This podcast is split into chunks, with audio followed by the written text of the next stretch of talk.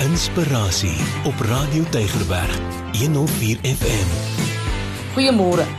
Nou kyk, dis ongelooflik hoe goed mense daarmee is om verskonings uit te dink veral met betrekking tot hulle eie lewensideale en drome. Nou aangesien ek mense gereeld aanmoedig om hulle drome na te streef, het ek natuurlik al handevol verskonings ook aangehoor.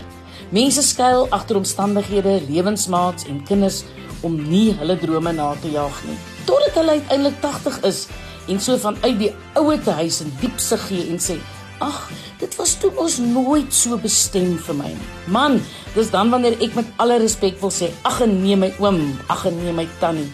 Nou jok jy daarom vreeslik. Elkeen van ons word gebore met 'n droom in die hart. Vir party is dit 'n spesiale talent wat hulle moet uitleef.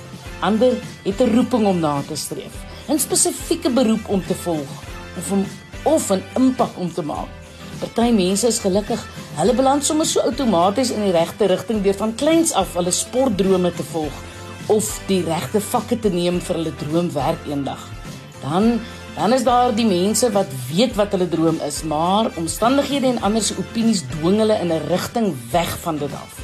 Maak nie saak hoe suksesvol hulle is nie. Daar is altyd iets wat erns pla.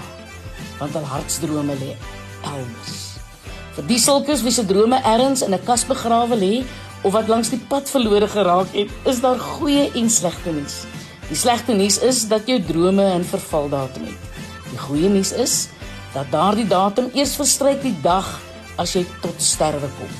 Tot dan is jou droom lewendig en aanpasbaar. Selfs al is jy al in die ouer huis of die aftree oorlede. Wat jy nie meer self kan doen nie, kan jy nou die jonger geslag afrig om te doen. Drome tree nie af nie. Dit verander net. Ek is Lenet Beer vir inspirasie.